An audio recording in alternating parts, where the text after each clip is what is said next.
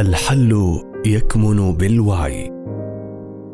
إنتاج منصة عصر السلام لنشر الوعي الذاتي وعلوم التنمية البشرية.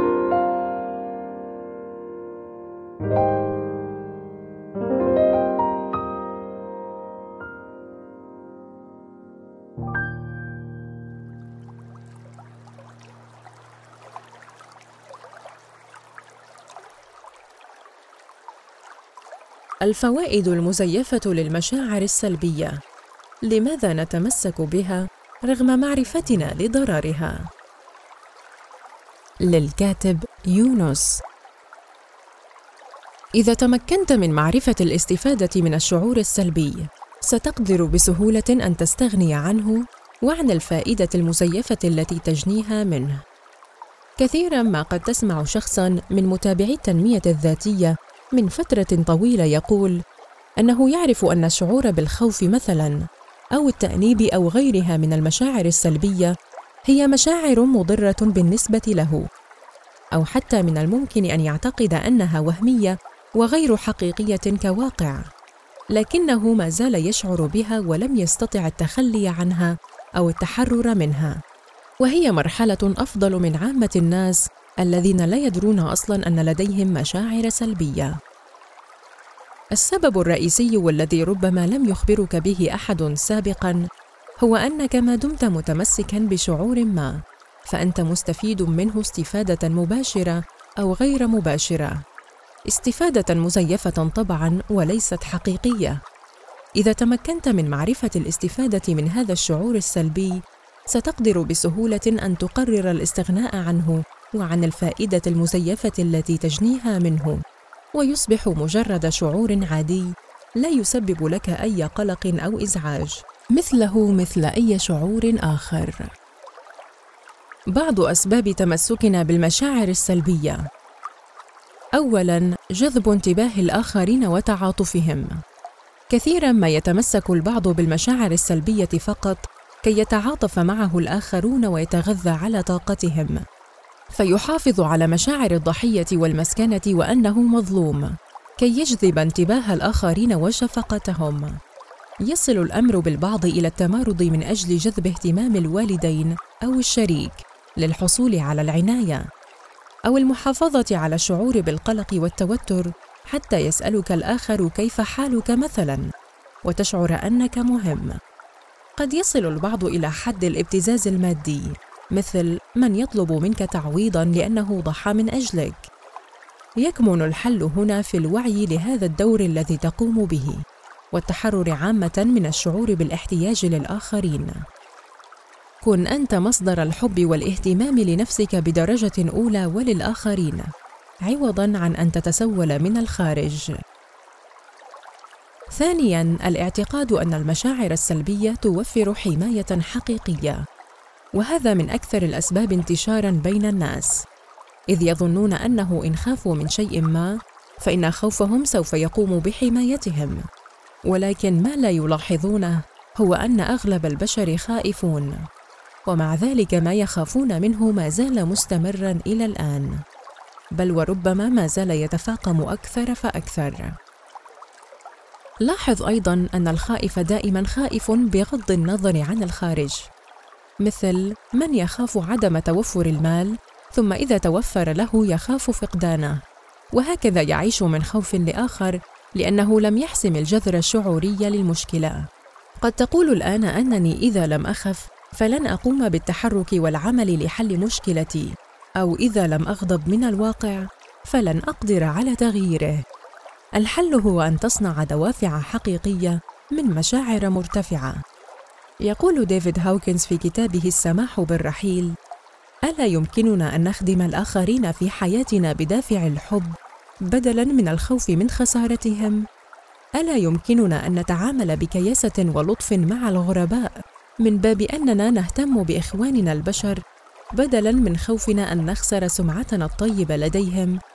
ألا يمكننا أن نؤدي عملنا بصورة جيدة لأننا نهتم بالمستفيدين من خدماتنا بدلا من الخوف من خسارة وظيفتنا أو رغبة في تحقيق طموحاتنا. جرب بنفسك أن تغير دافعك للفعل من شعور سلبي مزيف إلى مشاعر عالية حقيقية. ستجد فرقا كبيرا في نفس السلوك عندما تؤديه لأنه واجب أو بسبب الخوف أو الإجبار وبين أن تؤديه من باب المحبة والقبول والعطاء مثلا. ثالثا المشاعر السلبية حقيقية ولا أريد الكذب على نفسي. فئة كبيرة من الناس تتمسك بمعتقد أن الحقيقة مرة وأن أي شعور بالتفاؤل والبهجة والانشراح هو مجرد ضحك على الذات ونوع من التخدير المؤقت والعيش في عالم وردي خيالي جميل. راجع قناعاتك. أنت لست مطالبا بالكذب على نفسك طبعا. إن كنت تشعر بمشاعر سلبية كن صادقا مع نفسك واشعر بها. وبهذا هي أصلا ستتحرر شيئا فشيئا. لكن هل هذه المشاعر فعلا تمثل حقيقة الحياة؟ أم أنها مجرد شيء صدقته لفترة إلى أن أصبح حقيقة بالنسبة لك؟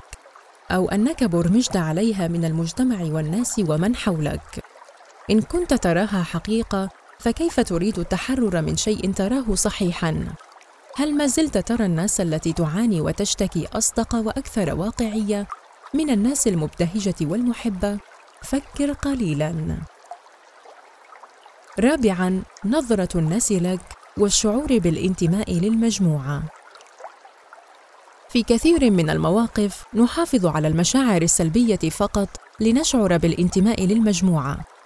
وبسبب الاهتمام الشديد لنظرة الآخرين وتجنبا للشعور بالنبذ. من الأمثلة على ذلك لا تسامح بل تمسك بالغضب لكي لا يظن الآخر أنك ضعيف.